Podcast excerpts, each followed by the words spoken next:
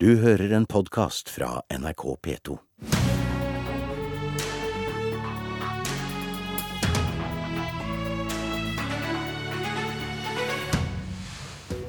Skattekutt i milliardklassen gir flere fagorganiserte, mener Arbeiderpartiet. Det har Høyre ingen tro på. Velkommen til et politisk kvarter i bakvendtland, der Arbeiderpartiet skal argumentere for lavere skatt som politisk virkemiddel, mens Høyre skal avfeie det som dyrt og uten effekt.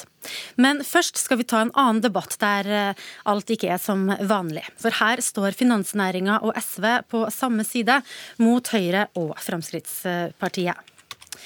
Vi snakker om oljefondet og investeringer i fornybar energi som ikke er på børs. I dag kan oljefondet investere i aksjer, obligasjoner og eiendom. De ønsker også å investere i såkalt unotert infrastruktur, som f.eks. en havn eller en vindmøllepark. Det er også du veldig for, Kari Elisabeth Kaski i SV. Hvorfor det?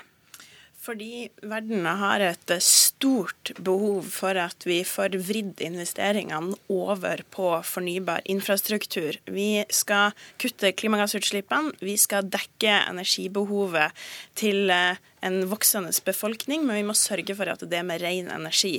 Da kan oljefondet være en viktig bidragsyter til det. Det vil både, hvis, hvis vi lar oljefondet få investere bare 5% eller opp mot 5% av sin portefølje i fornybar infrastruktur, så kan vi kutte opp mot 35 ganger Norge sine klimagassutslipp. Oljefondet vil gå foran som en bjellesau og synliggjøre for andre investorer at det, det her potensialet, det her markedet finnes. Og vi vil bidra til å spre risiko eh, eh, gjennom å investere på, i flere områder og investere i et voksende marked, i stedet for, sånn som vi gjør i dag, investere i mye fossil energi. Svein Flåtten, finanspolitisk eh, talsperson i Høyre. Du er uenig. Hvorfor bør oljefondet ikke investere i prosjekter som kraftlinjer og fornybar strømproduksjon fra vind og sol? La meg først si at det er en forskjell på finansnæringen og Kaski og SV her. og Det er at finansnæringen snakker om rene eh, investeringer, slik som oljefondet skal gjøre for å få mest mulig avkastning. Nå ønsker Kaski å bruke dette klimapolitisk, og det har vært stor enighet om. At vi skal ikke bruke fondet verken eh, som et klimapolitisk virkemiddel eller som et utenrikspolitisk virkemiddel. Men til spørsmålet så mener jeg det er en betydelig risiko ved å investere i unotert infrastruktur. For vi må gå inn med store andeler. Det vil være i fremmede land. Eh, det vil være en politisk risiko. Det vil være en regulatorisk risiko. Vi kjenner alle debatten hjemme her om arvesølvet når det er snakk om å kanskje selge eller privatisere våre egne ting. Akkurat den samme diskusjonen kan vi risikere i andre land. Det kan bli et betydelig omdømmerisiko, at her vil fondet bli en veldig synlig eier. Ikke som når vi investerer i aksjer rundt omkring i verden. Her vil man bli veldig synlig. Skjer det noe, blir det diskusjoner rundt dette, geopolitisk eller på annen måte, så blir det betydelig omdømmerisiko for fondet, kanskje også for Norge. Så og I tillegg så er det betydelige kostnader ved å investere i infrastruktur. Det kom frem på høringene i Stortinget i går at allerede i Vi investerer jo en del i unotert eiendom. 20% av de ansatte i Norges Bank arbeider med 2,5% av fondets verdier. Ved å gå inn i unotert infrastruktur så får vi det samme på nytt. Det er altså investeringen i aksjer, som vi også nå øker, som er det mest effektive for å oppnå det som er målet med fondet. Høyest mulig avkastning, mm. unnskyld, moderat risiko. Men Flåtten, Hva med argumentene fra finansbransjen som mener at dette vil gi god avkastning, en mer stabil kontantstrøm og lavere samla risiko i porteføljen? Jeg tror ikke det blir en lavere risiko i porteføljen av dette, men jeg er helt enig i at vi skal ha en diversifisering. Men vi bør gå langsomt frem. Og så skal man være klar over at eh, nå foreslår regjeringen også å øke aksjeandelen opp til 70% Det er også risiko ved, men det er en kjent risiko. I unotert infrastruktur så er det ganske mye som ikke er kjent, både ved forvaltningen, ved styringen av det. og Derfor så mener vi at her bør man fortsatt ile langsomt. Og I tillegg er det slik at hvert fjerde år så har gjerne Stortinget da sett på investeringsstrategiene, både de som har vært brukt og de som kan komme. Det mener jeg man skal fortsette ved. Det fjerde året er det neste året. Da kan det være kanskje gunstig med en ny runde, også om dette. Kaski, risikoen er for stor? Jeg syns det er eh, pussig å høre på Flåtten sin argumentasjon her. fordi det her er jo altså noe som eh, Norges Bank har bedt om å få gjøre siden 2006. I elleve år så har vi holdt på med denne runddansen her. Det er samlet, eh, et samla råd fra internasjonale og nasjonale aktører innenfor eh, for økonomi, innenfor miljø, innenfor bistandsbransjen og innenfor, eh, og innenfor flere andre rådgivende organer. Og selvsagt skal vi stå på avkastningskravet. Det er ingen som sier at vi skal gi dette i, i, som gavmilde eh, gaver, holdt på å si. Vi skal stå på avkastningskravet, men nettopp ut ifra hensynet til vår framtidige pensjon og eh, hensynet til framtidig klima, så er det klokt å spre investeringene våre. Det er klokt å investere i det raskest voksende markedet. For tida, altså, investeringene i fornybar energi vokser mye mer enn investeringene i fossil energi. og Derfor synes jeg det er noe umoderne og mener at vi skal rett og slett utelukke fondet, for det er det det handler om. Utelukke at fondet får lov til å investere i det her raskt voksende markedet. Ehm, vi ser nå at vi har behov for å investere i mer fornybar energi internasjonalt ved å la oljefondet bare investere opp mot 5 i, av sitt fond i infrastruktur, så kan vi bidra stort til å kutte klimagassutslipp, og vi sprer risiko, eh, samtidig som vi ivaretar avkastningskravet. Det høres ut som eh, to fluer i én smekk. Jeg tror ikke vi er veldig umoderne og, og, lite fremtidsrettet. Det har vi virkelig vært når det gjelder å investere i oljefondet.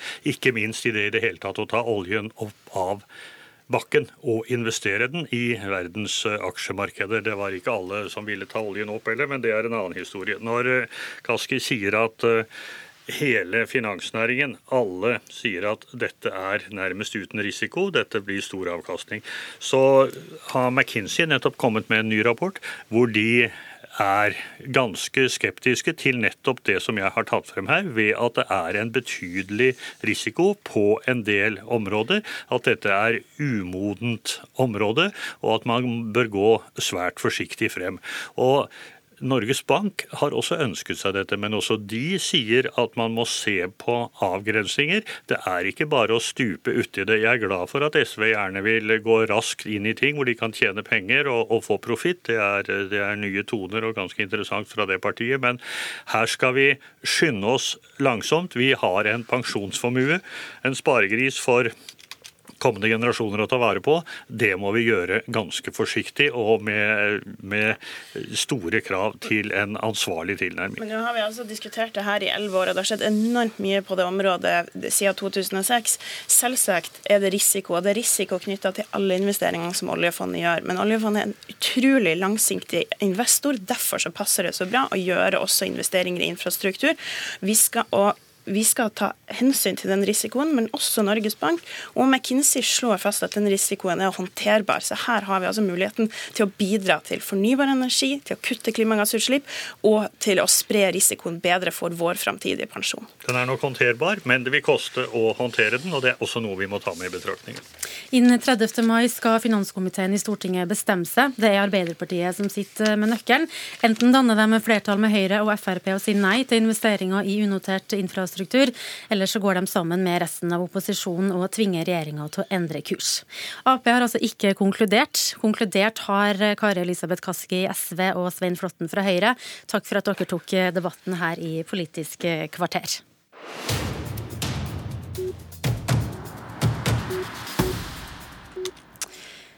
Nå skal vi skifte tema. Vi skal snakke om det som heter organisasjonsgrad, altså hvor mange av arbeidstakerne i Norge som er fagorganisert.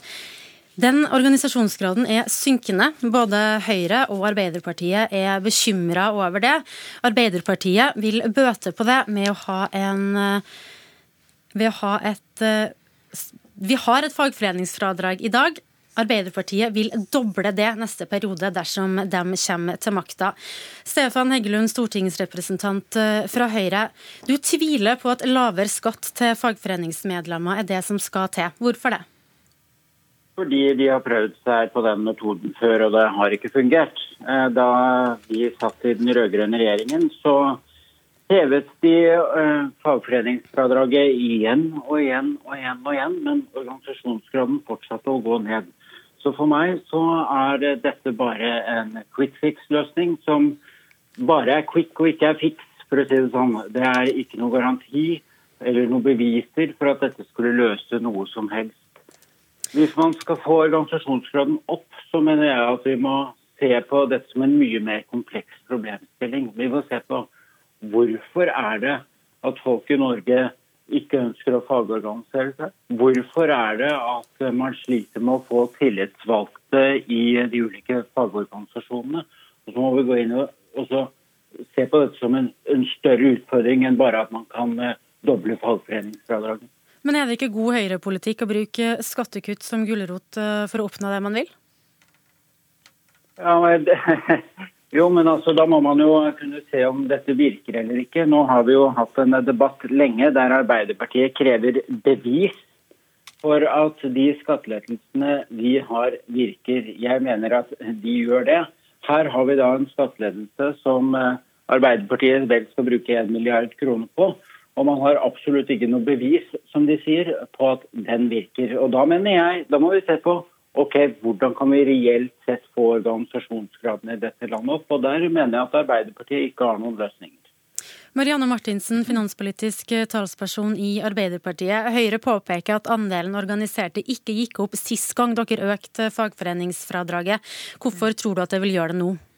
Først av alt så er det jo nesten litt underholdende å høre på, på, Stefan Heggelund her. Eh, for Høyre har jo en usvikelig tro på at absolutt alle former for skattekutt fungerer. Særlig de til, eh, som går til de som er mest fra før i dette samfunnet.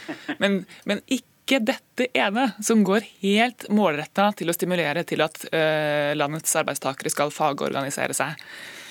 Og så snakker jo Heggelund her som om det eneste som skjedde under den rød-grønne regjeringsperioden var at man økte fagforeningsfradraget, og så var det for øvrig ingen utvikling i norsk arbeidsmarked. Det var det selvsagt, og det vet eh, Heggelund utmerket godt.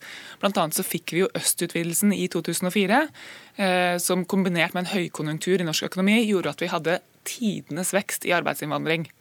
Eh, og, jeg er helt sikker på at Heggelund også forstår at det å rekruttere inn folk som kommer til Norge som arbeidsinnvandrere, snakker et annet språk, ikke kjenner norsk arbeidskultur, er en betydelig vanskeligere jobb eh, enn å holde organisasjonsgraden oppe i, i, perioder hvor vi ikke ser en sånn type utvikling. Det er en vanskeligere jobb, men hvorfor ikke da bruke en milliard på å prøve å få til det, da? Fordi at dette fradraget går helt målretta til å stimulere til fagorganisering. sånn at Det er ikke så veldig mange andre måter å bruke en milliard mer målretta enn det for å få den effekten. Og så er jo jeg enig med Heggelund selvsagt i at hele svaret ligger ikke i dette skattefradraget. Vi, vi, må, vi, vi, er nødt til å kreve at fagorganisasjonene også tar mer ansvar. Vi har f.eks. sett nå at, eh, at, Fellesforbundet de siste åra har brukt mye ressurser på å oppsøke folk ute på byggeplassene, oppsøke også de som har en, eh, en, eh, en annen bakgrunn enn norsk, for å aktivt stimulere til at folk faktisk blir medlem av en fagforening. Og Dette handler jo ikke bare om at det er bra for den enkelte, for den enkelte arbeidstaker å være organisert for å kunne ivareta sine egne rettigheter, men dette handler om at trepartssamarbeidet og vår modell for lønnsdannelse faktisk skal fungere. Og Det er så viktig for norsk økonomi og for vår konkurranseevne. Det så vi jo da oljeprisen falt for to og et halvt år siden hvordan partene tok ansvar, satte seg til bordet, ble enige om nulloppgjør av hensyn til vår konkurranseutsatte industri, som var i en svært krevende situasjon.